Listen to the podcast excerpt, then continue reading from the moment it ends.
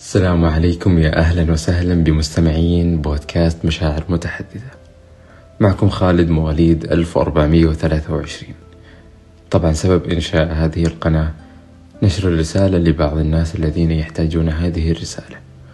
وليش سميت القناة مشاعر متحدثة لسبب إنها اللي طالع مني هي مشاعري اللي راح أوصلها لك كرسالة. وطبعا ما ننسى في ممكن شوية أخطاء برسالتي أو بكلامي. بس ممكن هذا سبب نجاحي لأني راح أتعلم منها. وحبيت أقولها من الحين لأني ممكن ما راح أقص بالمونتاج. أبغى رسالة تكون ما هي رسمية وحلو تكون فيها أخطائها ومشاعرها اللي كنت أبيها توصل للمستمع. طبعا ندخل بالموضوع وهو السعي وراء الأهداف وأكيد يعني كلنا عندنا أهداف نسعى وراءها. لكن ممكن ما تستحق للأسف ولكن ممكن وراء تعبي وسعي لهذا الهدف أحصل على شيء أفضل منها أنا كنت أتذكر لما كنت أتعب وأحاول أجتهد بدراستي لسبب أني أدخل الجامعة وأتخصص كيمياء. بس الهدف هذا ما قدرت أوصل له. لكن سعيت وحاولت. صح إني تضايقت وأخذت فترة ليش ما انقبلت. وهل من الممكن أكون فاشل أو يعني جاتني أفكار كثيرة خلتني أقول عن نفسي كلام ما له داعي؟ ممكن ربي راح يعوضني بشيء أفضل وراء سعي وتعبي وتفكيري. يمكن في شيء ربي مخبيه لي أفضل. إن شاء الله دام ثقتي بالله عالية صح إني راح أجلس مدة زمنية مدري كم بدون شيء لكن أنا متأكد الجاي أفضل. ممكن يكون الترم الجاي ممكن السنة الجاية. بكل الأحوال أنا متأكد إن الجاي بيكون أحسن من الهدف اللي أنا كنت أبيه.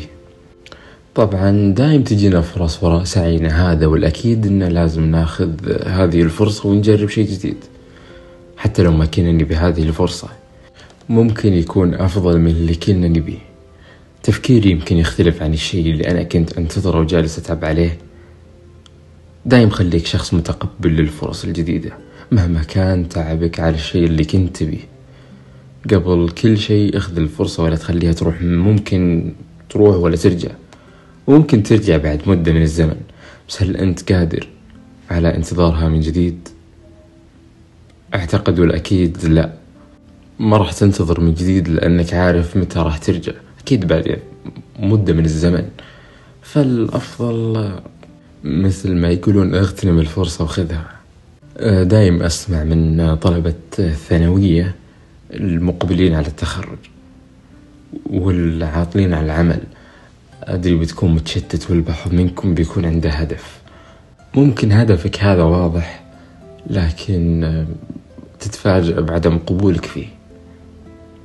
وراح يكون عندك فجوة كبيرة من الفراغ بس حاول تستغلها لو ما كانت الفرصة قريبة.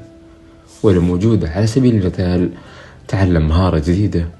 أو تعلم لغة. تفيدك مستقبلا ممكن يكون مستقبلك وراء اختيارك. ممكن يكون مستقبلك شغف كنت تحبه وطورته. ممكن تكون لغتك تفيدك بأنك تكون مترجم. ممكن رسالتي هذه تغير مسار حياتك الفارغة إلى شيء يجعلك تكون فخور بنفسك. ما أنسى نفسي أني حاليا أواجه صعوبة مع الفراغ. بس إني جالس اكمله حتى أقضي عليه وأستفيد من وقت فراغي لأنه مو أكيد بتكون مرتاح متفرغ دايم. وأشوف هذه فرصة أطور من نفسي فيها وأتعلم وأقول أيوه الحمد لله إني انقبلت لسبب إني اشتغلت على نفسي وسويت اللي أقدر عليه. وهذا شيء أعطاني درس بحياتي خلاني أتعلم شيء ثاني.